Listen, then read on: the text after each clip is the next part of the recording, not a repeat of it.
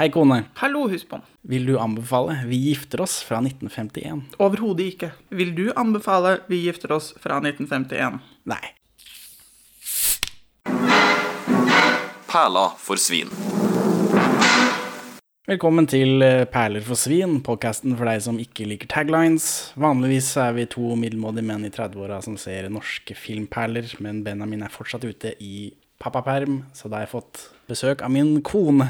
Og vi har sett Vi gifter oss. Henki Kolstads gjennombrudd. Ja, var det det? Det var det. Ja. Merkelig nok. Ja. Han var jo veldig blid, da.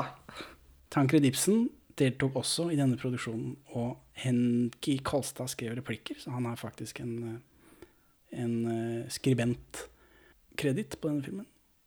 Nå som vi har sett denne filmen, eh, en, en film om det vanskelige boligmarkedet, så den går jo aldri ut av mote. Nei, det gjør den ikke. Hvor vanskelig det er å komme seg inn på boligmarkedet for unge. Den er jo veldig relevant, egentlig. Samtidig som den er helt utrolig urelevant. Men akkurat det temaet er jo veldig relevant. Men jeg tror det er noe som har forandra seg på de eh, 70 år siden de lagde filmen. Eh, Ja, det har det nok. Nå som vi har sett denne, tror du folk så den i sin samtid? Det har jeg faktisk ikke tenkt på, men det kan det jo hende de gjorde. Dette er norgeshistoriens femte bestselgende film. Oi. Har du sett? Ja. 1,13 millioner solgte billetter. Ja, men jeg vil jo si at uh, det, det er jo en film med uh, et mer sånn sammenhengende tema og handling, hvor det skjer ting som gir mer mening, da, i motsetning til en hel del andre filmer uh, vi har poddet om. Ja, nå har vi podda om én film. Så. Det er helt riktig. Ja, ja, for her er det en overhengende handling, mens i Camilla og tyven så skjer det bare én ting etter det andre, og Camilla er der, og så er det en tyv noen ganger. Ja, og det henger lite, historien henger ikke sammen så godt.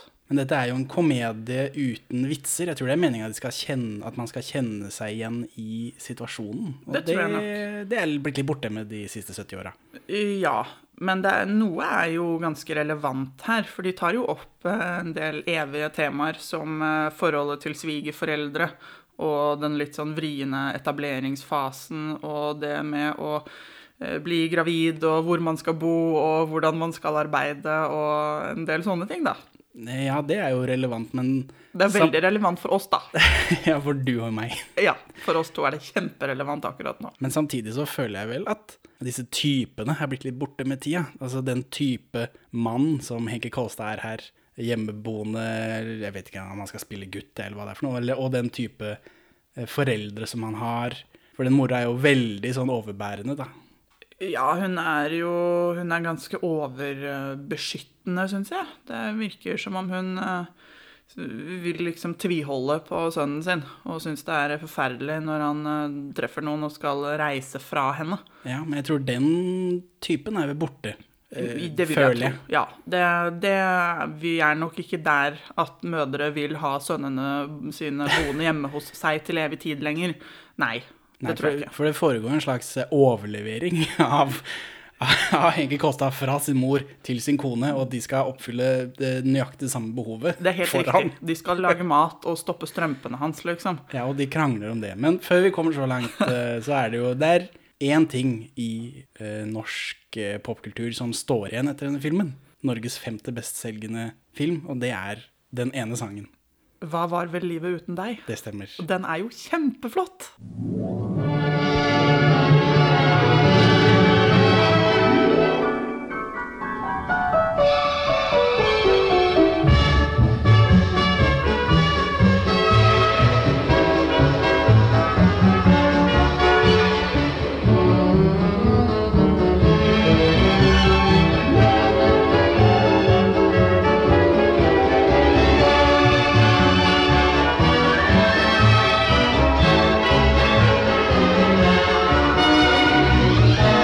Det, men det er flere sanger her, og de har med rette blitt borte i tida. For, for det var ikke så bra. Men akkurat den, den svinger. Må si jeg festet meg ikke ved noen annen, noe annen musikk i denne filmen. Nei. Eh, Men det der er jo en slager, og noe av eh, historien her i filmen går jo ut på at han skal produsere en slager. Ja, for han lager jo musikk, da. Ja, han er låtskriver og musiker. Så med, og med det så følger en del ganske dårlige sanger, spør du meg. Men den sjølve sangen er eh, Den melodien er skrevet av svenske Ernfrid Alin. Og teksten ble skrevet av norske Gunnar Caspersen. For denne filmen. F- eh, For denne filmen, ja. Det er jo helt utrolig. Eh, Astrid Herseth dubber Inge Marie, for jeg husker du reagerte på at hun synger så, så veldig 50-talls. Det, det gjør hun, ja. Hun er dubba. Men Henke Kåstad han får lov å synge sjøl.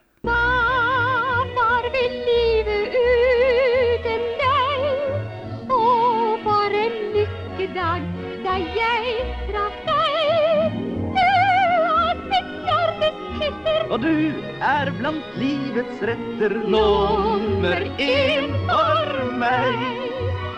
Å ja. ja, for det der syngingen eh, hennes er jo dubbet til det helt ekstreme. Hun synger jo som eh, Hvem er det jeg tenker på? Olga Marie. Olga Marie, ja. Michaelsen. Litt sånn. Litt sånn.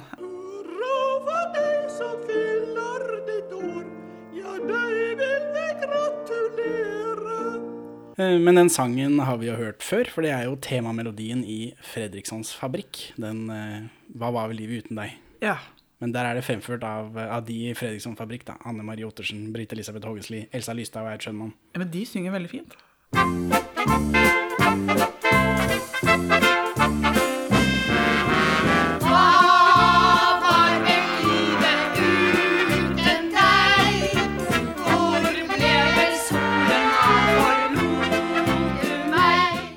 Men for den sangen i filmen her, eh, der forandrer jo teksten seg hver gang de synger. Fordi den er eh, spesifikk til situasjonen de er i. Ja, men den er jo også litt sånn, den sangen. Det, det er lett å rime og synge inn en hel masse tull i den sangen. Ja, Så det er ikke nødvendigvis den sjølve teksten vi kjenner. Det er ikke, det er ikke den som de synger hele tida. Det er mye snakk om Lillemann, som er ungen deres. Ja. Og det er ikke med i den andre, tror jeg. Hvis ikke jeg husker helt feil. Han er lenge siden jeg har sett Fredriksson Fabrikk.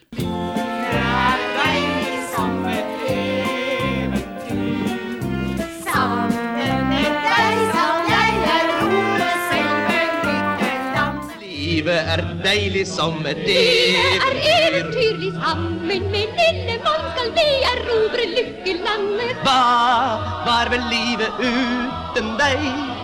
Hjem til vårt rede har vi funnet deg. Den, eh, når vi så denne filmen, så grep den deg veldig, skjønner jeg. For du var oppe og lagde mat, og du vaska opp, og du vanna, vanna planter og ordna og styra. Gjorde huslige sysler.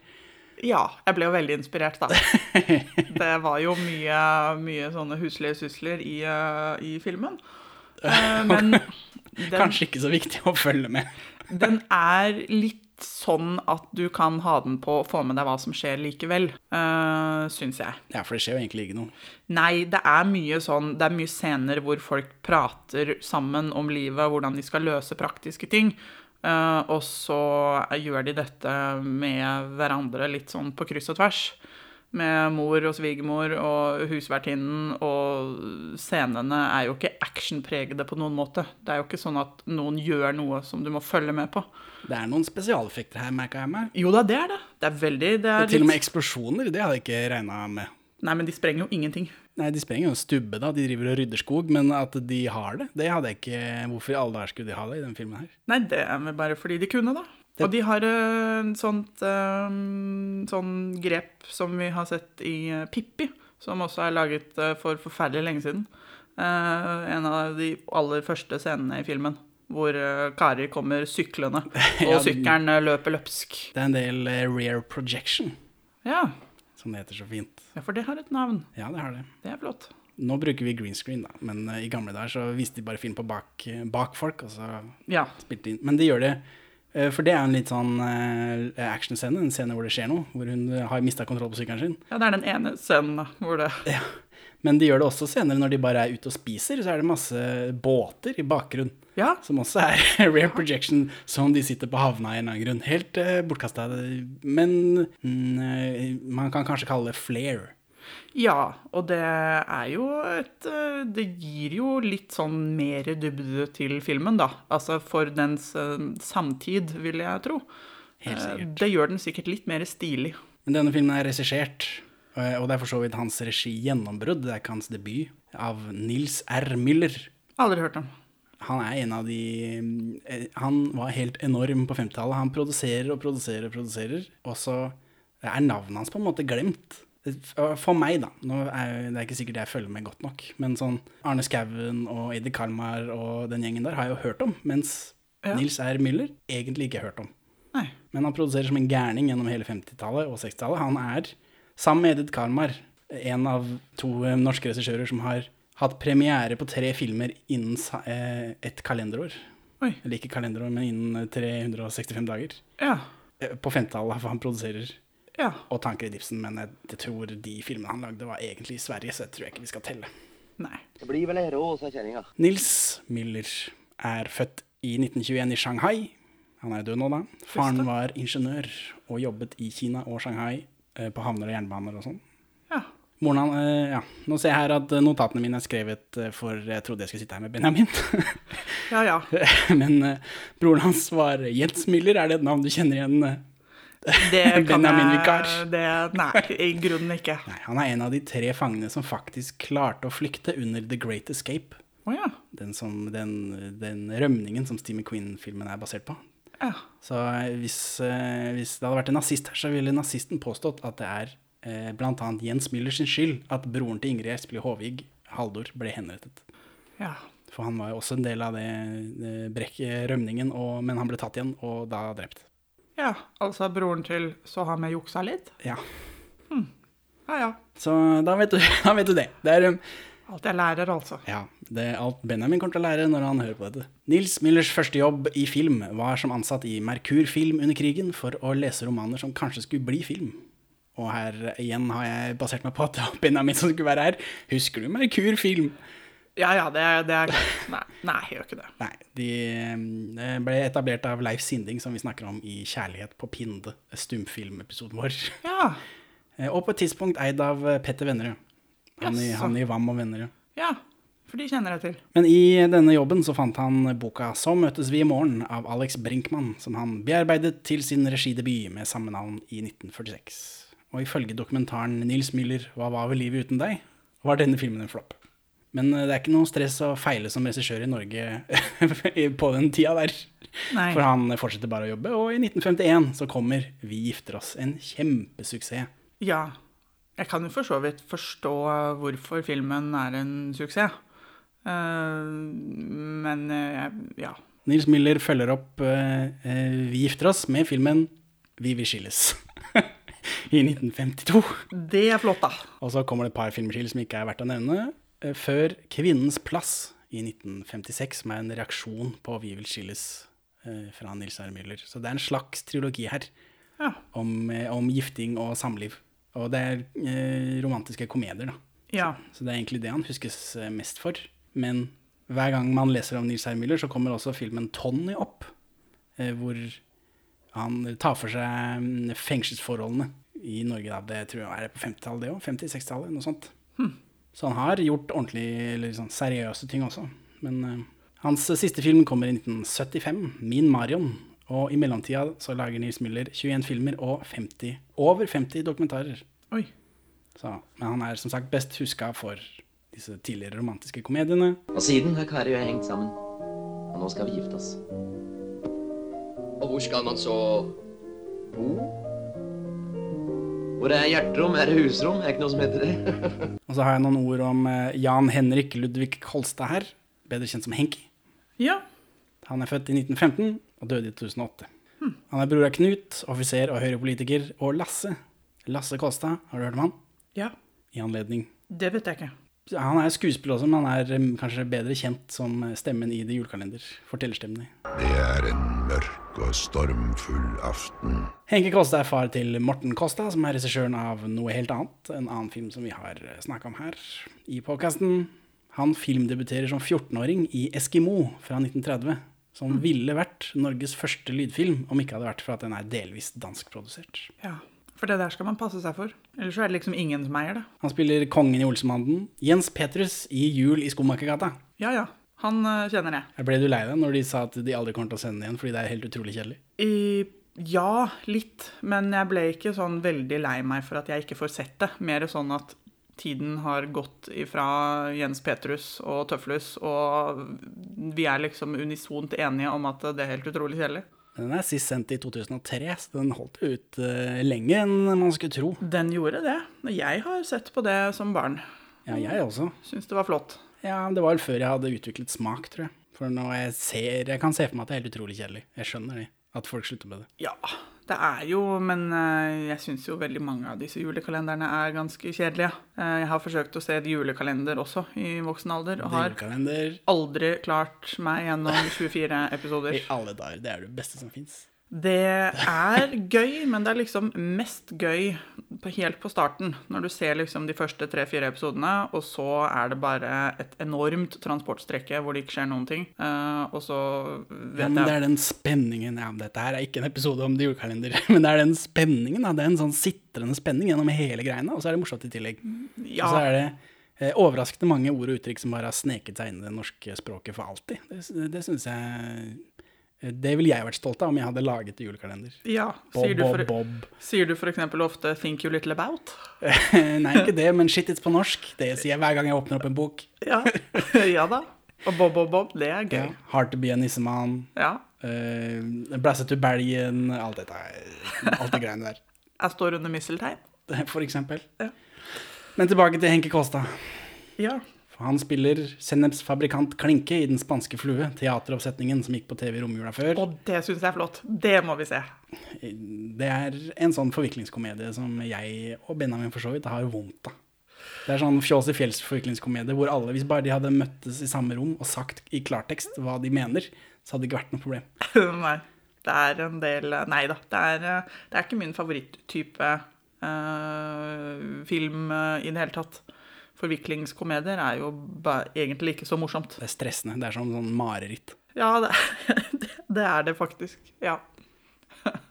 Så. Ja. Men han har drevet en del med sånn stemmearbeid også. Flåklypa Grand Prix, selvfølgelig. Han spilte han uh, annonseren i det sjølve racet. Så det er ikke spesielt minneverdig. Han har ikke noen karakter. Nei. Men han er sånn uh, speaker i Ja. Ja. Og han eh, har dubba en del eh, greier, da. Bl- Blant annet Disney-filmer. Alt fra Aladdin til Pinocchio. Det er flott. Hans siste filmrolle var som kongen i Olsemannens aller siste stikk i 1999, som vi kommer til i podkasten om et år eller to. Ja. Og hans siste TV-rolle er en episode av Fox Grønland i 2001. Å hjelpes. Ja, ja. Men hans aller siste rollerolle er i musikkvideoen til 'Hvem er denne karen?' av avdelingsleder oppvekst i Oslo Røde Kors, Dias.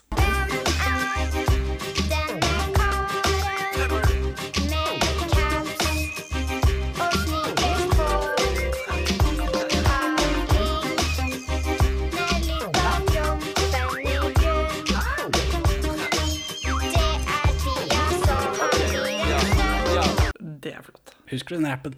Uh, Diaz er jo rapper, men nå eh, har han slutta å rappe. Han har blitt seriøs. Nå er han avdelingsleder i oppvekst i Oslo Røde Kors. Jeg husker så vidt at noen het Diaz, Ja. som var eh, tøff og sang, eller prata til musikk.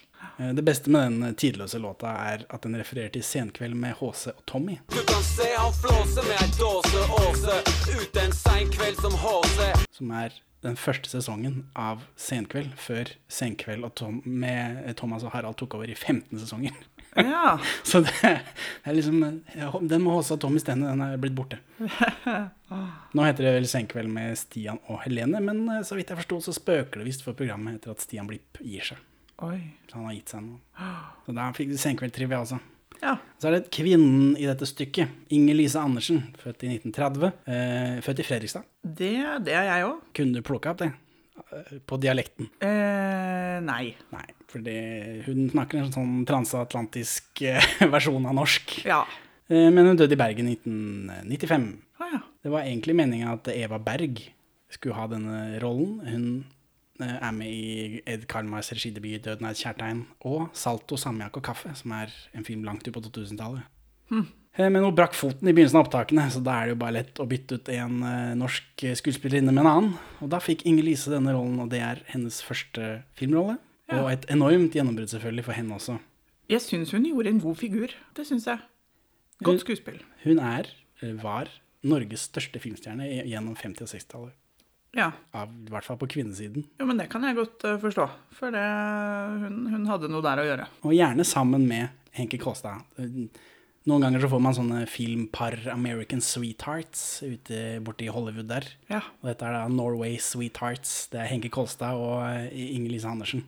Åh. De spiller sammen i denne, da, selvfølgelig. Det kunne en film som heter Det kunne vært deg, Troll i ord, Stevne, møte med glemte år, Alle tiders kupp, som vi har snakka om i podkasten, men der er det ikke par, riktignok. Nei. Og Bjørra, en annen film. Og så spiller de sammen i Pim og Laffen, en TV-serie basert på Arne Skauvens pappabøker. eh, Som også ga oss komedien 'Pappa tar gull', som er en film, da. Men det er bare med Henke Kåstad og uten Inger-Lise Andersen. Men hun er med i TV-serien i hvert fall. Ja. Og så har hun eh, Hun er vel en av hovedrollene i, eh, i Støv på hjernen og Sønner av Norge-filmene. Om vi fullfører trilogien, denne løse trilogien som vi er midt inne i nå, eller som vi har begynt på nå, så vil vi se henne igjen i eh, Kvinnens plass. ja. Så, men hun jobber jevnt gjennom både 50- og 60-tallet. Jeg ser fram til å se henne igjen. Det var det jeg hadde av presentasjoner. Skal vi begynne på film? Det kan vi. Filmen åpner med bading og, og den sjølve sangen på full guffe, men jeg tror det er uten tekst. Stemmer nok. Og så kommer det en voiceover av Henke Kolstad, og det voiceover og rammefortellinger det passer vi alltid på i podcasten, fordi de kommer i begynnelsen, og så kommer de aldri tilbake igjen. Så det er bare en, det er en halv ramme, stort sett. Men her, her passer det, fordi det viser seg at han sitter og forteller dette. Ja. Så gratulerer til filmen. Dette, er, dette hadde jeg ikke forventa. Dette er over middels. Så det er ikke verst. ja, det er bra. Det er sommer og fint vær. Det, altså, det står på skjermen at handlingen er oppdiktet og ligner ikke på noen personer. Og den, den vanlige disclaimeren som vi får på amerikanske filmer eh, på slutten av rulleteksten, Ja. den kommer foran i rulleteksten her, som om, er, som, om de, som de som lager filmen er redd for at folk skal tro at det er basert på det noen som sitter og ser på. Ja, men det er jo også laget veldig gjenkjennelig, da. Sånn at uh, hvis ikke alle filmer på den tiden var sånn, så skjønner jeg jo at uh, her har vi laget en film om noe eh, litt ordentlig. Ja, kanskje. Hvor alle kan kjenne seg igjen. Og nei, det handler ikke om deg eller naboen din eller tante Magda. Selv om det er klin likt, f.eks. Ja, de har en del sånn Det er litt noen problemer med myndighetene her. Kanskje det er derfor de har helgardert seg med en sånn eh, tidlig på. Kan hende. Men det var overraskende. Jeg hadde ikke forventa å se en film fra 1951, og norsk i tillegg. Kari. Det var et koselig navn. Syns de det? De? De må da vel være dus? Takk. Det er sommer og fint vær, ja. Henke Kåste er tydeligvis på ferie. Og så kommer Inger Marie på sykkelen sin, uh, hyler og skriker, uh, rare projection, og går rett i vannet. Ja, for det går jo nedover. Og hun har da ikke styring på denne sykkelen. Jeg tror ikke hun har bremser, skriker hun Nei. til folk som ser på. Ja. og Henke Kolstad er hyggelig og sier du må putte beinet på forhjulet. Men det gjør hun altså ikke. Hun velger heller å gå rett i vannet. Hun går virkelig rett i vannet. Så dette er jo meet-cuten vår, da. Så da, da Henke Kolstad berger opp av vannet, og så blir de bare campingvenner. De blir veldig forelska, for det neste som skjer, er jo at disse er på telttur. Eh, og det er litt uklart hvorfor og hvordan de er liksom havnet der. Det, det var det første jeg noterte meg. At dette, dette er merkelig. Her har de på en måte utelatt noe vesentlig fra historien. Ja, for Det virker som Henke Kolstad er på ferie alene, og så er tydeligvis Inger Marie også på ferie alene. Var det noe man gjorde, gjorde på 50-tallet? Veldig uklart. Single mennesker på ferie ute i skjærgården alene? Eh, og eh, vrient å se for seg at det var Jeg ville trodd at de heller var med familiene sine eller med venninnegjenger. Det antar jeg. Jeg vet ikke. Men Henke Kolstad kan vi jo eh, avskrive med at han er ute alene for å finne inspirasjon, for han er jo eh, eh, singer-songwriter. Ja, han så har han jo klimprer på en gitar, han ordner og styrer. Ja, og så er han jo mann, og menn på 50-tallet antar jeg fikk lov til å gjøre mer ting på egen hånd enn kvinner på 50-tallet. Det kan nok stemme. Men det er rart han allikevel drar alene på tur. Men hvem vet? Det er rart av henne å velge å slå seg sammen med en fyr for å dra på telttur. Eh, dette her er jo som, som hun da bare bumper tilfeldig borti på stranda. Det blir kjemi, da. Eh, ja, men dette er jo på en måte litt sånn vågalt selv i våre dager. Å dra på telttur med en type som du treffer på stranda samme dag. Eh, Ja, for så vidt. Ikke noe jeg f.eks. ville tenkt at var greit at min datter gjorde, da. Hvis hun hadde truffet en blid gitarspillende fyr på stranda og dratt på telttur med han eh, resten av helga eller sommeren. Men gnistrer ikke mellom dem, da? Kjenner du ikke kjemien? Det sitrer. Jeg, s- det, jeg tror kanskje at jeg ikke ser nok til det, da. Til å skjønne hvorfor disse to plutselig er på telttur sammen. Men Ja. uh, kan jo være jeg som har fulgt dårlig med. Ja, altså, det norske folk er uh, veldig uenig, for de vil ha Henke Kåstad og Inger-Lise Andersen sammen. Men uh, jeg syns det, er, det er litt sånn Henke Kåstad er litt mykere. av en eller annen grunn. Jeg vet ikke hvorfor hva han gjør riktig, jeg. Men jeg syns det er den Inger-Lise Kåss er litt eh, stivere i spillet. Ja, på begynnelsen så syns jeg også det. Men etter en Utover i filmen så syns jeg at eh, hun også ser mer naturlig ut. Sånn fra liksom midten og utover så syns jeg det virker litt sånn mindre oppstyltet fra hennes side også. Ja, men de er iallfall ute og camper, da, og så spiller Henke Kåstad en ganske kjedelig sang på kvelden der. Ja. Og så viser det seg da at det er Henke Kolstad som har sittet og fortalt dette eh, bak et piano til en eh, fyr som viser seg å være en kollega. Kjenner hun han, da? Eh, ja, gjorde jeg ikke det? Det kan jeg ikke tenke meg. Hvis ikke du har sett Ni liv. Nei. For det er Jack Fjelstad, han som spiller Jan Bolsrud i Ni liv. Ni liv, som kjent, Oscar-nominert norsk film. Men han har jo et eh, da gjenkjennelig tryne. Det kan hende. Jack Fjelstad har jo vært med i masse greier. Jeg vet ikke hvor mye svart-hvitt-filmer du ser til daglig. Norske svart-hvitt-filmer. Ikke sånn at jeg ser veldig masse av det, men jeg har da sett noen uten at jeg nødvendigvis fester meg med hva de heter og hva de inneholder. Men det er iallfall Jack Fjelstad hovedrollen i Oscar-nominerte Ni liv. Ja. Det viser seg at disse jobber i Columbia Records. Det står iallfall det på, på veggen der. Ja. Overraskende at de bare kan ta det, hvis ikke de har betalt for det. da. Ja. Og Henki tjener 500 kroner i måneden. Det viser seg å være ganske lite senere. Jeg vet ikke. Når de leier noe jævlig De leier en ganske fet villa på et tidspunkt, og da må de betale mer enn det han har i månedslønn. ja. Så det virker ikke som om han tjener veldig godt. Men uh, Inger Marie jobber også. Hun er sekretær et sted for en advokat eller noe sånt. Noe, uten at det har noe å si, egentlig. Nei, ja, hun er sånn kontordame utdannet. Yes. Hun har gått sekretærskole. Sammen med uh, en venninne som jobber der, Nanna Stenersen. Hun er stuepiken i Fjås til fjells. Ja. Hun var morsom i Fjås til fjells, og er sånn passe morsom her. Så, eh, men når Henki forteller dette, så, det, så sier han at vi traff hverandre i sommer, og vi er så forelska, og det virker som han akkurat er tilbake fra denne sommerferien sin. Så nå han skal ha med seg Inger Marie hjem til foreldrene for første gang. Åssen går det? Eh, det Nei, det er jo Jeg syns det er rart at eh, han refererer til teltturen deres, for dette syns jo eh, moren åpenbart ikke er greit. At disse to har vært på telttur sammen Ja. før eh, Kari er blitt presentert for familien, og før noen har satt ring på noens finger, Ja, for for Inger. Marie her heter Kari i filmen, mens Henke Ja. Kåstad heter Petter, tror jeg. Ja, det stemmer. Og det er eh, Jeg syns det er litt rart at han ikke kjenner mora si bedre, da. At han eh, skal legge ut om at han har vært på telttur med dette damemennesket som han nå har eh, dratt med seg hjem. Det, hvis det var i meg på 50-tallet, så ville jeg kanskje holdt det litt sånn for meg selv. Det er, liksom, det er, litt, det er litt kleint. Alle sier fru og frøken til hverandre, helt til de blir enige om at nå er vi dus, og da sier de du. Vet, var det sånn i gamle der? På ordentlig? Eh, ja, det var det. Min uh, farfar sa de til sin far. Så eh, det, det stemmer. Eh, Og det kom fram at Inger Marie her hun har ikke gått husmorskolen, og det er krise. Ja. ja, det er jo ikke helt bra. Og det er veldig mye snakk om dus, hva som skal til for å bli dus, hvordan vi skal være dus, alt dette. Og Inger Marie bor på en slags hybel hvor det ikke er lov å ha herrebesøk på aftenen. Eh, Ja, hun leier jo et rom i noens bolig, da. Sånn at Ja, det skjønner jeg jo for så vidt. På et vis. Det er jo ikke helt som, som vi bor i kollektiv nå i dag, eh, hvor rommet ditt er ditt eget, og der gjør du hva du vil, liksom. Eh, og så var det jo en tid hvor man skulle være litt ordentlig, da. Man skulle liksom Man skulle Sove med hendene over dyna. Eh, Ja, og man skulle i hvert fall være gift hvis man skulle sove sammen med noen andre. For, for Inger Marie sniker Henke inn på hybelen, og så blir de tatt av denne utleieren. Og så eh, Humor ensues. Så da finner de ut at de må begynne å ordne seg hus, og de søker etter et sted å bo i Aftenposten. For det var sånn man gjorde før, Ja. tydeligvis. Ja, det er det fortsatt noen som gjør på Finn.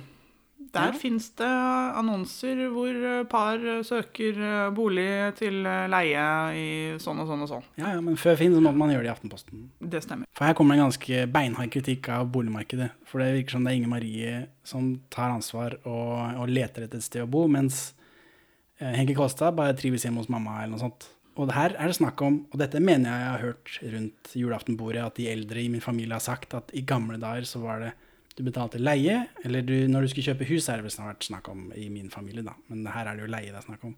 Så må du betale én sum, og så må du betale under bordet. Ja, og det var jo fordi det var jo myndighetsregulert. Eh, Det var jo, Leieprisene var jo, det jo myndighetene som bestemte, ut ifra en takst på hva det skulle være verdt å bo der. Enten det var snakk om kjøp og salg eller leie. Eh, og så syns jo etter hvert folk at dette var noe tull. Fordi Ja, eller Av helt åpenbare grunner. det hørte, har hørt ut på de i min slekt at det, virker, at det var litt bortkasta, fordi du betalte det du måtte, og så må du betale under bordet i tillegg. Så da, var det liksom, da er det det samme, da. Ja, for så vidt. Og når alle gjør det, så er det liksom Det at alle gjorde det, var vel også jo noe som gjorde at det ble avskaffet, tenker jeg. Ja, det vet jeg jo. Ellers er jeg, uten at jeg vet noe om det, så vil jeg skylde på Høyre. Eh, Ja ja, nei, men vi kan alltid skylde på Høyre. Og, men her, det, her er det en utleier som da legger an på Inge Marie som tillegg. Så det her er det noe griseri at det, det var freskt å se. Det antydes at uh, hun uh, Ja, hun setter ikke pris på det. Hun Nei, eh, er sier bra, da, men- bare Ja da, nei, hun sier bare at eh, dette passer ikke for oss, og så strener hun av gårde. Men det er kritikk av boligmarkedet, da. Det er, eh, Ja. det er rart å se så, for så lenge siden. Ja, men dette er jo det samme som eh, nå omtales i eh, aviser over det ganske land, hvor fælt det er i boligmarkedet, både å leie i Oslo, kjøpe hvor som helst. Det er liksom Og utleiere er useriøse slabbedasker som tafser og lar linoleumen forfalle, og det er liksom ikke måte på hvor ille det er. Eh, Dette, dette er 100 tidløst, for sånn var det den gangen. Ja, ja, det er rart at aldri vi kommer oss bort fra det. Jeg pleier å, hver gang eh, min mormor klager, eh, spesielt over, over sykehusplass, for nå har de jo bygd nytt fint sykehus i Østfold, må vite, Ja. og folk må fortsatt ligge på gangen, så sier jeg at i Brødrene Dal, på, det er vel slutten av 70-tallet, begynnelsen av 80-tallet, så har de også en vits om at det er fullt på sykehusene. Så det, bare, det har bare vært sånn hele tida, det kommer alltid til å være sånn. Ja. Så det er ikke noe som forandrer seg. Tid er en flat sirkel. Det er helt riktig. Men Henke Kåstad og Inger Marie de ringer hverandre midt på natta for å møtes. Og, og alle de bor og stikker nesa borti. Det, det er For det er jo liksom- ingen som sover der. Det er jo åpenbart. ja, Jeg vet ikke om de har blitt vekka av denne ringinga, ja. Men uh, Nei. denne utleieren til Inger Marie holder vel et ekstra øye, tror jeg. Ja, hun aner vel ugler i mosen. Og så Henki sniker seg inn til Inger Marie, og da er mora til Henki helt fra seg, fordi når han går, så er de våkne, eller hun blir vekka, eller hva faen. Hun klorer seg for fast i Han må finne på masse dumme unnskyldninger for å gå ut. Ja. Men han er jo voksen. Han er på Han er 35 når Ja. de spiller inn dette, men jeg tror ikke han skal spille 35. Nei da, men det kan hende han skal spille 20, eller et par og 20. Ja, for Inger Marie er 21. Ja. Så da er vel han også rundt der, da, eller Ja, et men par han er og jo fortsatt voksen, for så vidt. Eh, ja, de er voksne mennesker, ja. Og dette er jo også en tid da så fort du var konfirmert, så kunne du på en måte begynne å jobbe og bli regnet som å være voksen. Ja, det er kanskje enda litt lenger siden, men Nei, altså bestefar dro på sjøen som 15-åring, han. ja. Så det er rart at de blir behandlet sånn som 23-åringer blir i dag, da.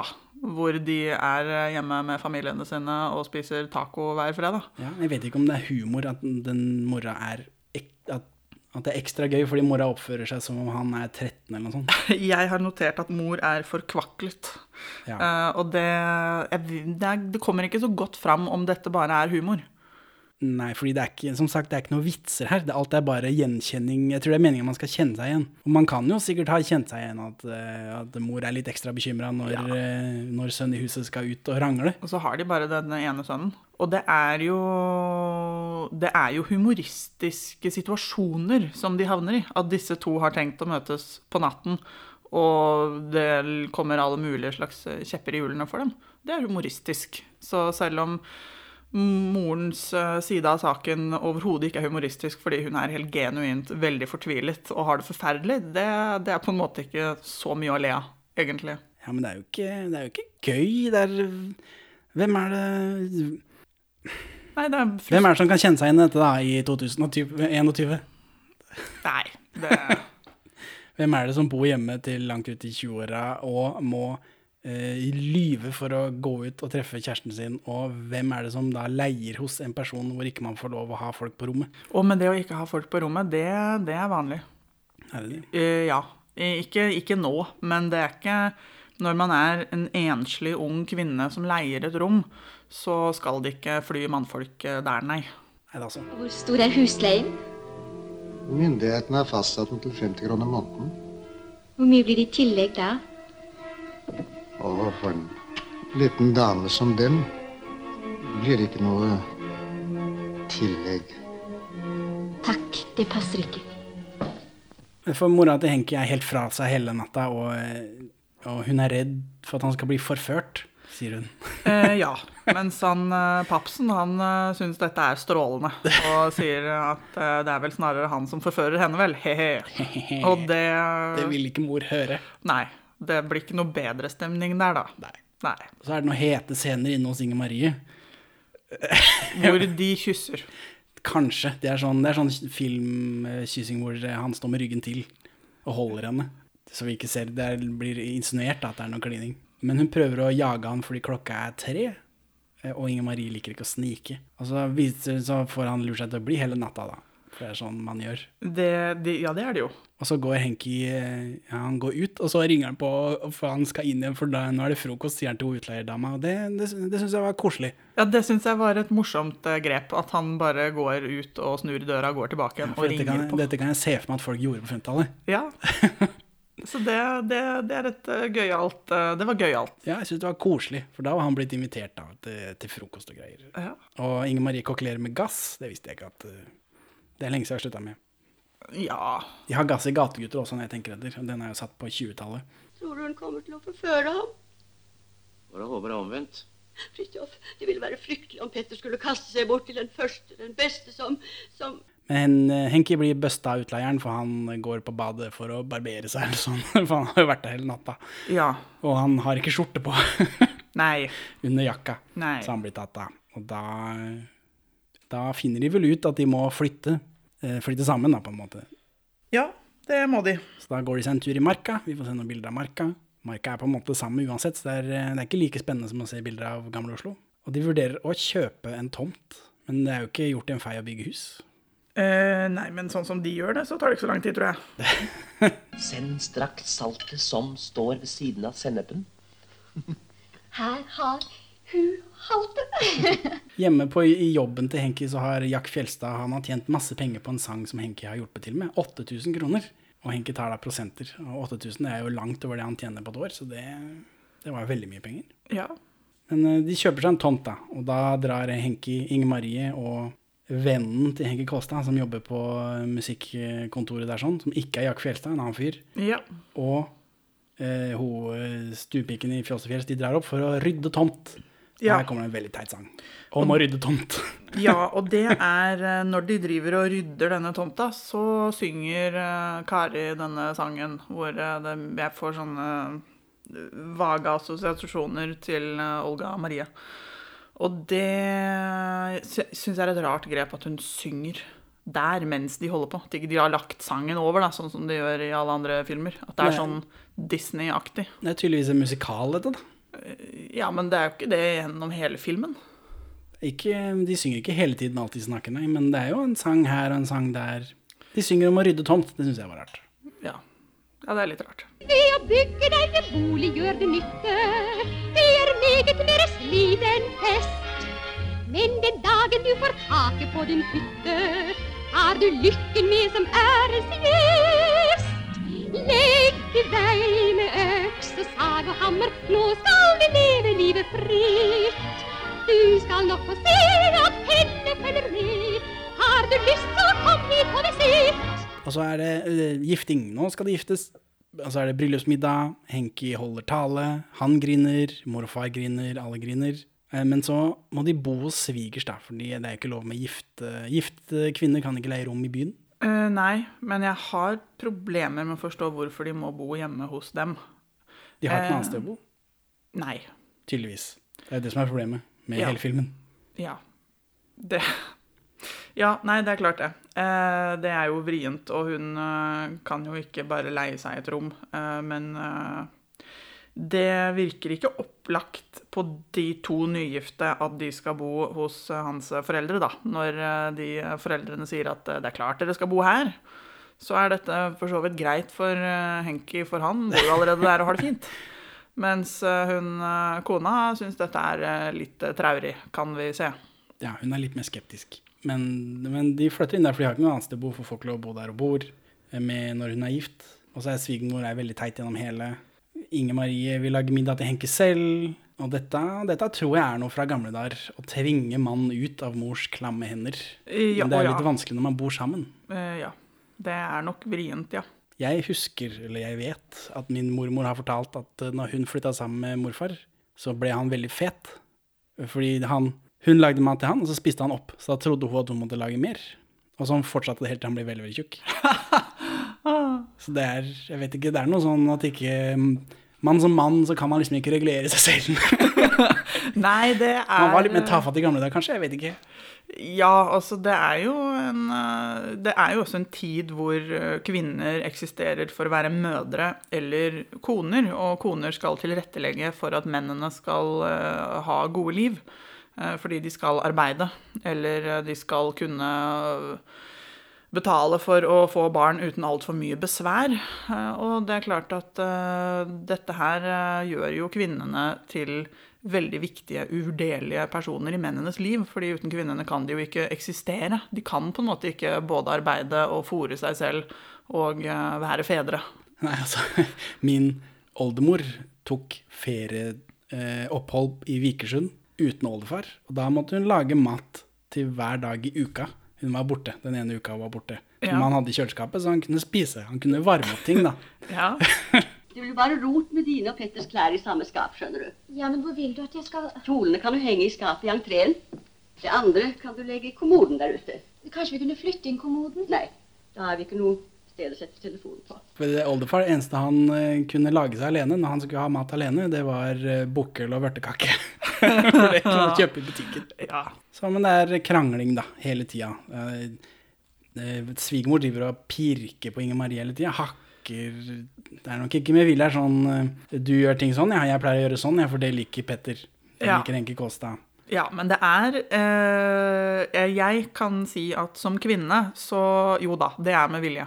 Det er eh, snerpete og manipulativt og kjipt bare for å trykke på knappene til den eh, nye rivalen. Eh, og det er jo litt sjarmerende, syns jeg, at du tenker at det ikke er med vilje.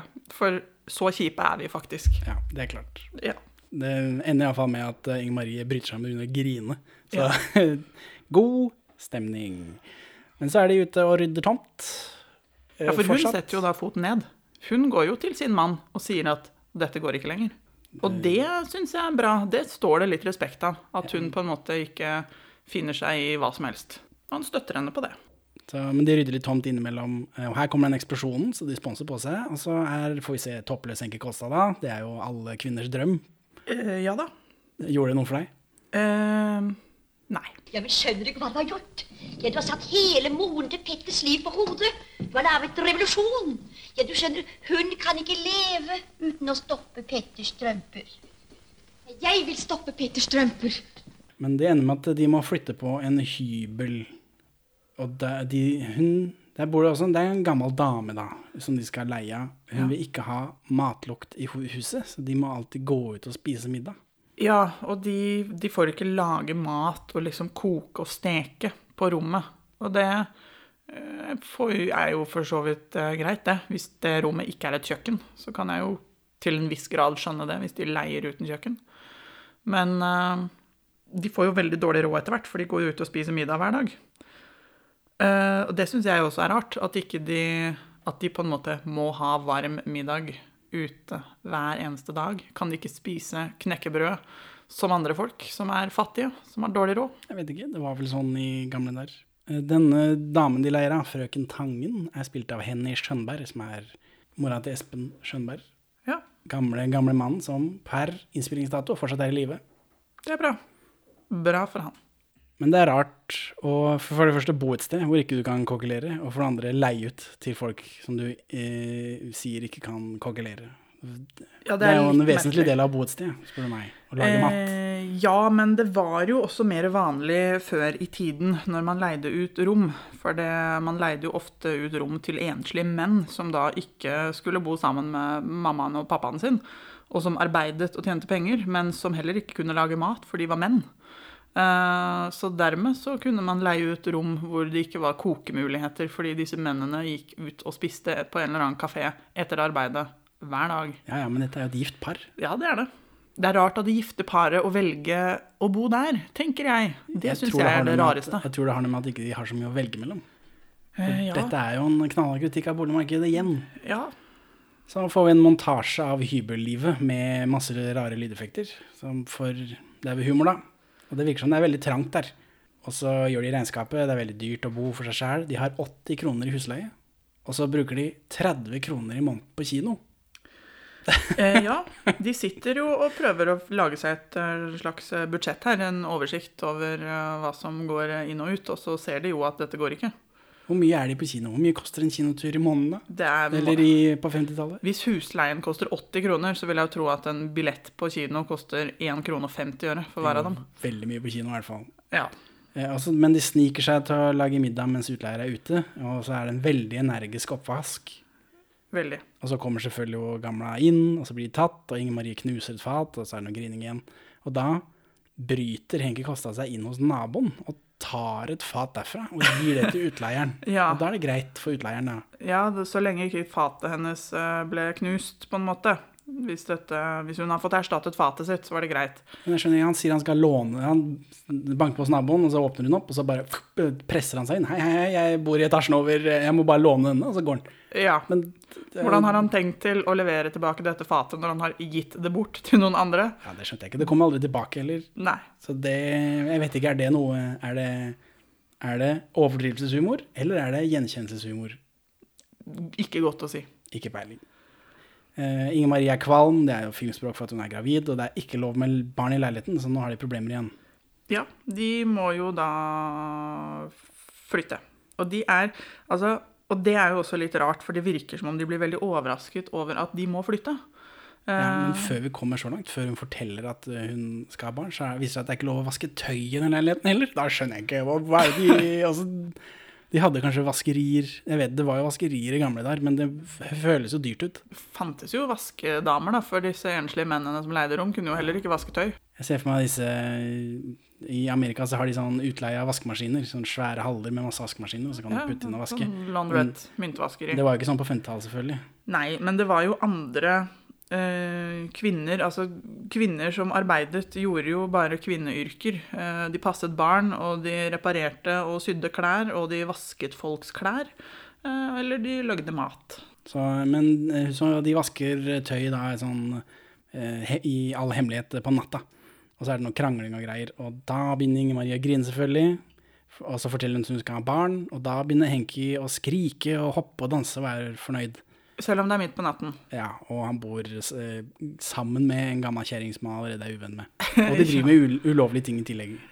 ja, for det Jeg syns jo at eh, en del av tiden så er jo han en eh, Altså, han skal jo helt åpenbart være en sånn sorgløs, gøyal type gjennom hele filmen, men han er jo også ufattelig uansvarlig og dust i oppførselen sin. Han øh, kjører dem liksom stadig litt sånn ut på dypt vann, eh, og uten at det blir problematisert, da. Ja, men det var kanskje sånn på 50-tallet. Kanskje. Men i denne hylinga og skrikinga så løper han ut i gangen, for telefoner i gamle dager sto i gangen. Ja. Og så ringer han mora si mye på natta, og så sier han at hvis det blir en sønn, så blir hun bestemor. Ja. Det skjønte jeg ikke. Nei, det, det tror jeg er humor. Jeg tror det er en vits. Um, hvorfor det? hvorfor tror du det? For at eh, det var eh, det blir, hun blir jo bestemor uansett om det er en sønn eller datter. Ja, det skjønner jeg. Men jeg tror, det er, jeg tror humoren ligger i at uh, han ikke klarer å liksom tenke lenger enn at uh, Nei, jeg vet det. Jeg tror det skal være humor der. Og så løp, Etter det så løper han inn og så begynner han å spille saksofon. og utleieren blir mer og mer irritert, selvfølgelig. Og så blir de kasta ut. Jeg tror noe, jeg tror ikke noe på at Jeg tror ikke noe på at eh, gledesrus og den her type øyeblikksekstase som det er å få vite at man skal bli far, varer så lenge at man eh, klarer å rekke å gjøre så mye tøys midt på natta at man blir kastet ut. Jeg vet ikke, men folk, eh, menn, og kanskje damer også, var vel dummere på det i gamle dager. Sånn som, for du er jo gravid nå, og når du sa at du skal ha barn, så tenker jeg ja, ok, vi får se da om det holder ut første tre månedene, for det er liksom ikke lov å fortelle det til noen, og det er liksom, det er masse steg før det faktisk Ja. Går an å ta det innover seg, mens han bare wow, jeg skal ha barn i morgen. Det er helt sant. Uh, ja, men dette vet vi jo nå. Ja, det er Og det jeg tenkte på. Kanskje de var dummere før. Ja, eller, eller manglet den kunnskapen, da. God dag. Unnskyld, jeg kjenner ikke meg. Jeg bor ovenpå. De skjønner, vi har nemlig Ja, de kunne ikke være så snill. Jeg mener, jeg har ikke tid til å forklare. Nei, men hva er det vi gjør da, menneske? Jeg bare, jeg bare skal låne det. Vi skal få det igjen. Helt sikkert. Takk. Men eh, det er jo bare Inger Marie som har initiativ her, så hun begynner å gå på visninger igjen, da. Hun er den som får ting til å skje, og det syns jeg også er litt eh, Men det kanskje er en del av en sånn husmorgreie, da. At hun øh, bidrar med det her. Mens han er på arbeid, så går hun og finner nye leiligheter til dem og gjør en hel del sånne praktiske ting. Men det Kanskje, virker som det er mye tak igjen, da, egentlig. Ja, men det å finne eh, tak over hodet føles som en mannejobb. Jeg er litt enig i det. I den tiden der, i hvert fall. Men eh, hun kommer iallfall til en, enda en dame som har et veldig stort, fullt møblert villa. Denne damen er Sonja Mjøen. Eh, ja. Det er tanta til Lars Mjøen. Ellen i KLM. Ja. Hennes eh, far var da eugeniker og tok inn rasebevissthet til Norge. Ja. Så det kan du, får du høre mer om om du hører på eh, episodene våre om noe helt annet. Men denne, dette huset, fullt møblerte huset, som jo passer perfekt selvfølgelig, det koster 400 kroner i måneden og 200 kroner i tillegg svart. Ja, og det sier jo Så det er jo 600 kroner i måneden, altså mer enn det Henki tjener i måneden. Det sier jo hun uh, Kari. Uh, hun sier jo at uh, dette har vi jo egentlig ikke råd til, men vi tar det. Ja. Uh, jeg ser jo på en måte for meg en situasjon hvor jeg hadde gått på visning uten deg. Vi skal jo nå snart kjøpe hus, og jeg finner et flott hus til på en måte tre millioner mer enn det vi har. Eh, og bare legger inn bud for at det er så fint at det, dette må vi ha. Ja, jeg også ser for meg det, skjønner du. Nei, men det er, eh, det er noe med at eh, mye av tiden i denne filmen så virker ikke hun uansvarlig. Og det syns jeg er litt sånn ukarakteristisk uansvarlig av henne. Ja, det er disse gravide kvinnfolka, vet du. Det er, eh, de har ingen kontroll på seg selv. Vet jeg det? Ja. For dette sier du som om jeg vet det. Ja Det er ikke, det er ikke sikkert du vet det, men jeg vet det. Men da, det, er, det er bra at noen vet hva som skjer, da. Men Henke blir sinna selvfølgelig, fordi Inger Maria har sagt ja til så dyrt hus. Men så sparker denne ungen, og da er god stemning igjen. Problem eh, over. Eh, De flytter inn dit, hvor ikke de har råd til å bo. Ja, og jeg har ikke helt klarhet i eh, hvordan de på en måte har tenkt til å løse det. Har de da tenkt å bo der i mer enn én måned før huseieren finner ut at de har ikke noe penger, og så må de dra igjen? Det blir jo luksusfellen, da. Ja. De går jo bakk i 100 kroner i måneden. Ja, altså, merkelig opplegg. Og det er også rart Hallgeir Kvalsheim kommer inn der. Veldig, veldig rart. Dere bruker 30 kroner i måneden på kino. Det er veldig rart at de diskuterer hva husleien kan koste først etter at eh, Kari har leid en hel villa til mer enn hele månedslønna til Henki Kolstad. Men løsningen på dette for Henke er eh, å lage en slager. Han skal lage en slager for å vinne en musikkonkurranse. For det er tydeligvis, der er det mye penger, da. Men så hjemme igjen så er det noe greie med en sølvkanne, for dette huset er jo ferdig møblert. En sølvkanne blir presentert tidligere. Tsjekhovs sølvkanne. Ja. Eh, sånn tekanne, tror jeg. Ja, ja, ja. Som eh, hun som bor der, da har fått eh, i bryllupsgave, sånt, noe som hun setter stor pris på. Ja. Og de får lov til å låne alle de fine tingene, men denne damen som har leid ut huset, hun beholder jo et par rom i huset til seg selv. Og tar jo for gitt at uh, sølvtøyet hennes er tilgjengelig når hun vil bruke det. Og her uh, er de igjen veldig lite opptatt av å passe på andre folks ting når de bor fullt møblert. Ja, for de setter den sølvkanna da oppå ommen. Jeg oppå vedommen. Jeg vet ikke om det er med vilje, eller om, om de tenker over det. Jeg vet ikke om de gjør noen ting med vilje i denne filmen, jeg. Men den smelter i hvert fall, og så kommer jo kjerringa inn, og, så, og da Henki Kosta plukker opp det med hendene, som må være helt utrolig varmt. Um, Smeltet sølv, liksom. ja, og han gir uttrykk for at det er varmt, men ikke noe mer enn at det er litt grann ubehagelig. Hvis han hadde gjort det enda verre, at det hadde vært mye, mye varme, så hadde det vært morsommere. Men overdrive, det vil han ikke. Nei. Nei. Så han står da og holder den bak ryggen, kjerringa kommer inn, og hun eh, legger det fram som om kanskje hun skal låne kanna, men så viser det seg at hun bare skal låne noen kopper, og så er alle veldig glade. Eller Inger Marie og Henke er veldig glade da, uten at hun kan Ja. vet hvorfor. Ja. Og så går hun bare ut, og så Scenen slutt, den sølvkanna kommer aldri tilbake, det får aldri noen konsekvenser. Jeg skjønte ikke hva var poenget med dette. Nei. Nei, det er vel eh, Illustrerer at de er ikke egnet for å bo i dyr, folks veldig dyre, flotte villaer med veldig dyre, flotte ting. For de kan ikke betale for seg, og de kan ikke ta vare på de ille flotte tingene til folk. Ja, men De har ødelagt noen som hun satte stor pris på. Jeg skjønner ikke hvorfor ikke det kommer tilbake. Nei, det er rart. Men det er jo rart at vi aldri fikk vite hvordan det gikk med fatet på det forrige stedet de bodde også. Ja, ja, For det blir jo aldri bare tatt opp. Men så leser de bøker om barn, og det er jo veldig gjenkjennelig for oss som skal ha barn. Eh, Det er det. En av bøkene heter Barnepsykologi. Det visste jeg ikke at de hadde på 50-tallet. Jeg visste ikke at eh, barn hadde psykologi på 50-tallet, Ja. Nei. Og så er det en bok som sier 'dette må du gjøre', og så er det en annen bok som sier 'du må gjøre akkurat det motsatte'. Og det er for Sånn har vi det hele tiden. Ja, dette er, dette er mammaforum på 50-tallet. Ja.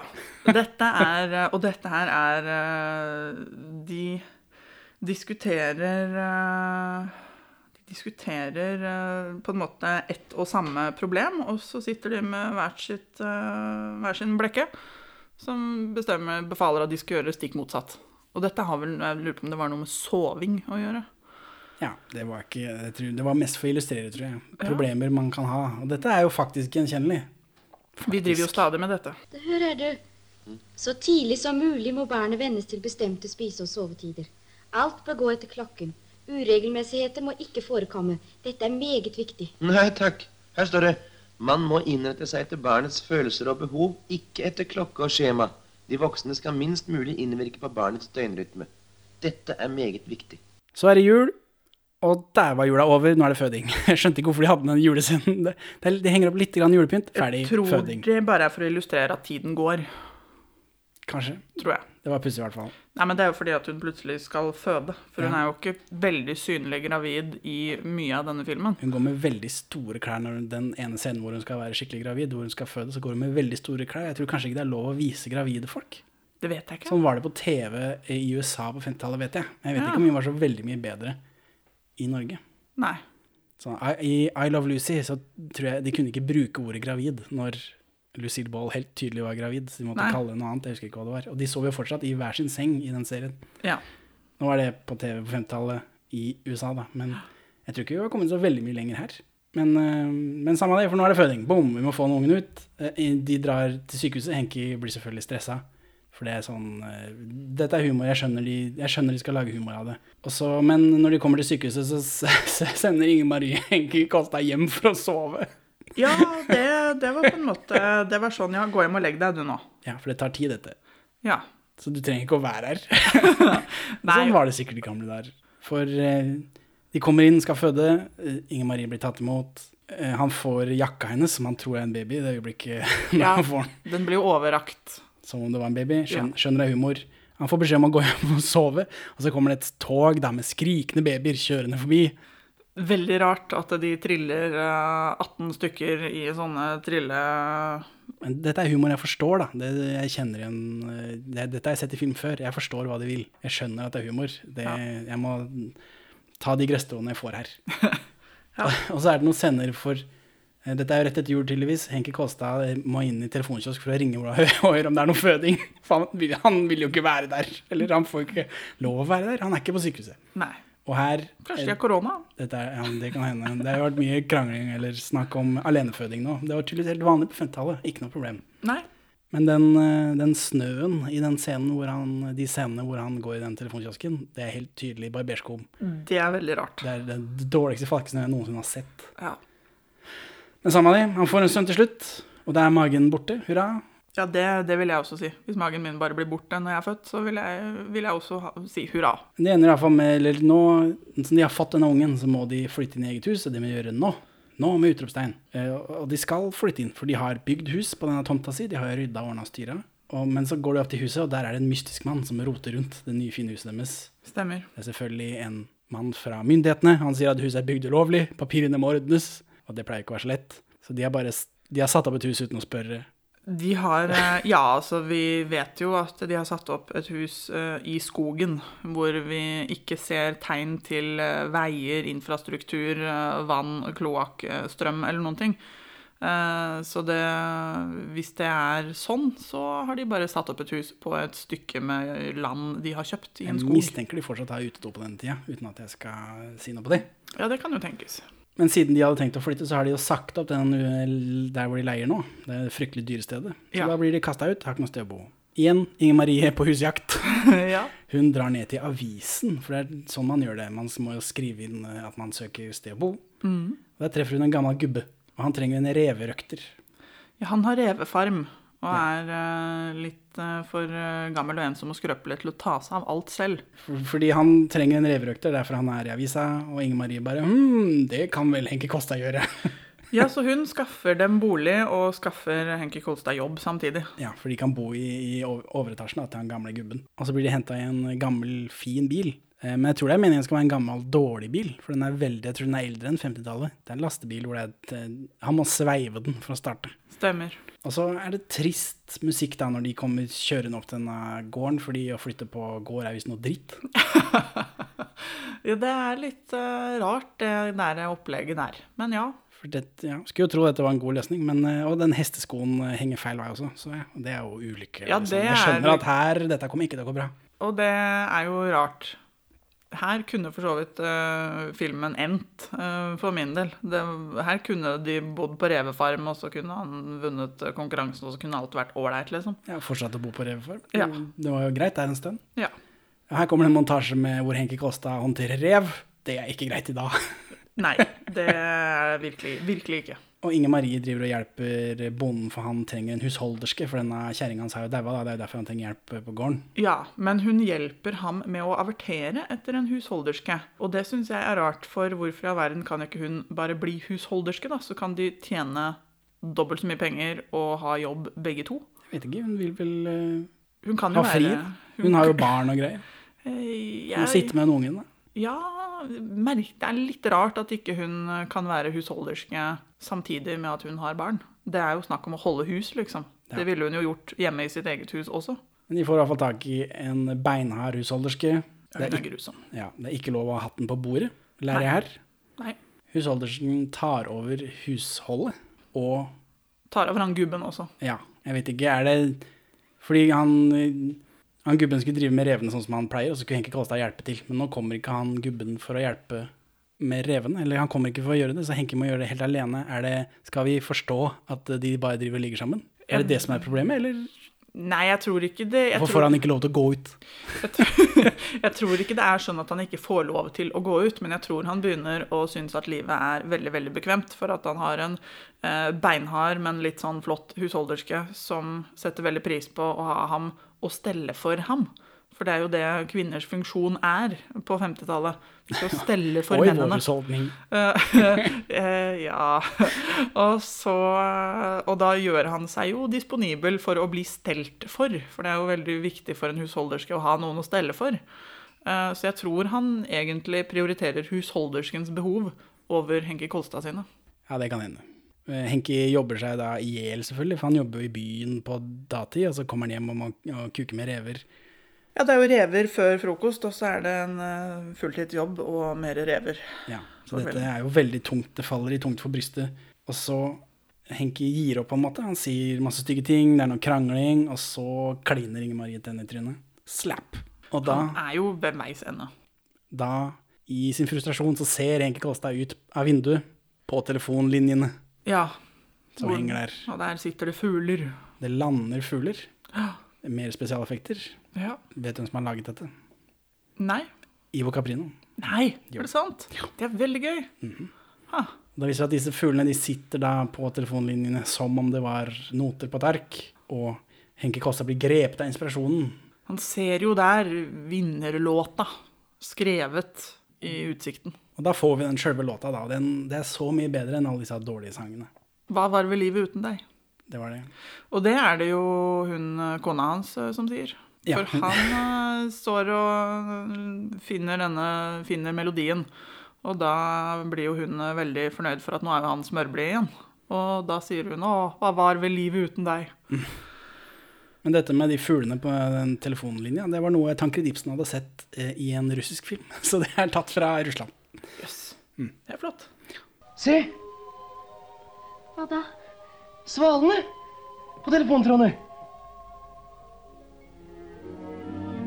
Men hører du ikke da, Kari? Men se da, her står den jo skrevet, jo. Å, Petter, hva var livet uten deg? Ja! Hva var vel livet uten deg? Så, men de ser denne, han ordner denne sangen, skriver ned, sender inn til den slagerkonkurransen. Og så flytter de bare inn i det ulovlige huset. Eh, For de ja. blir kasta ut av den husholdersken. Hun har liksom tatt over. Ja, og jeg har litt problemer med å skjønne hva husholdersken til han gamle Hansen, husverten, hva hun liksom får av å drive dem ut av huset. Hva får hun ut av det? Da blir jo han reverøkteren til Hansen borte, så må Hansen ut og ordne med alle revene sine sjæl, og så eh, det, det gir ikke helt Det er ikke helt logisk. Altså, de flytter rett inn i det ulovlige huset, og så går Hege Kolstad til disse byråkratene igjen. Han har vært innom flere ganger, og det er veldig vanskelig, selvfølgelig. Men nå, han går inn til samme byråkrattypen. Byråkrattypen tar med seg papiret ut, som han pleier. Og Mhm. For å gå inn til kontorsjefen, så går han en så han stopper opp, og så går han inn en døra hvor det står 'direktør'. Yes. Og da ordner det seg, på magisk vis. Som i, ellers i livet. Ja, Så det liksom, du må hoppe over et trinn. Det er alltid et sted det stopper. det stemmer. Og neste scene da er, det- da er det middag i nytt hus, og da kommer denne Hva var vel liv uten deg på radio. Ja. Og alle synger, og det er ordentlig god stemning. Og, og så løfter denne babyen opp, og, og så snurrer den Alle løfter den opp som i Løvenes konge, har jeg notert her. Helt uh, riktig. Og så synger de til dette barnet. Og dette er jo da Henki og Inger Marie og venninna til Inger Marie. Og foreldrene til Henki. Ja, og kameraten Og kameraten. Henki. Så vi Det er har alle vi har sett i filmen, seks nesten. mennesker som unisont løfter en baby opp Mot i, himmelen. Mot himmelen Opp mot et kamera de ikke vet er der. Uh, ja. Og det er litt snodig. Ja, men uh, det svinger av den låta, altså. Jo, jo, det er flott, det. Eh, også for øvrig et litt sånt eh, musikalaktig grep at de spontant begynner å synge på den samme sangen og dikte mens den på en måte blir komponert. For det, det gjør de.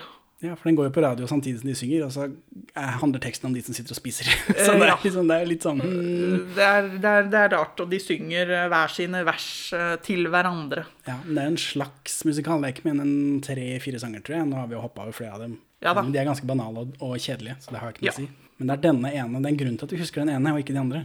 Men dette ble jo en slager. Ja, ja. Så det Spilt inn av masse forskjellige folk, annet Jens Bok Jensen. Hva var vel livet uten deg? Hvor ble vel solen av, forlot du meg? Livet er deilig som et eventyr.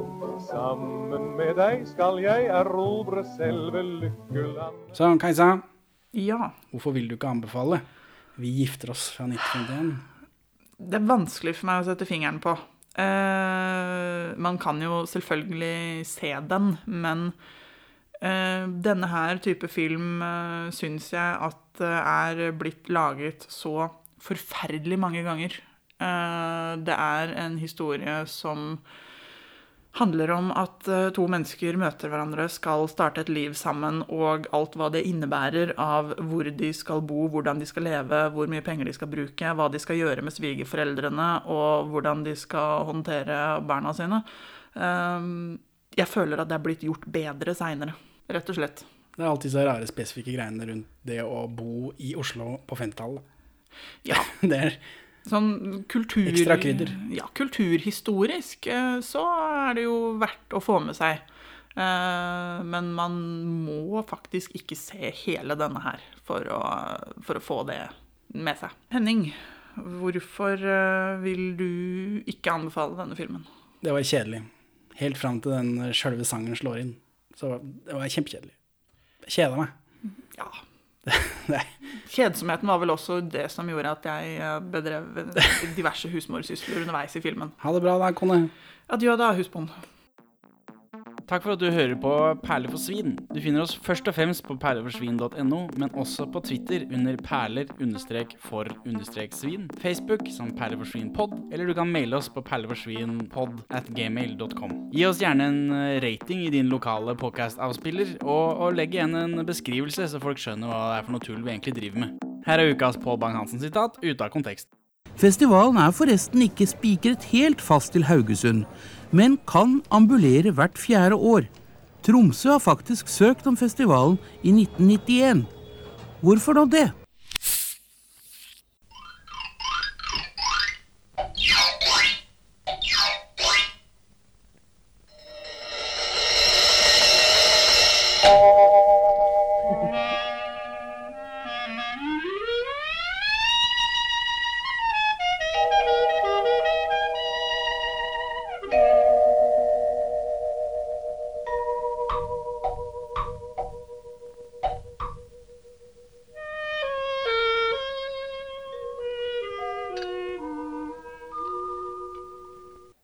Spør du meg. Eh, hallo, mannen. Vil du anbefale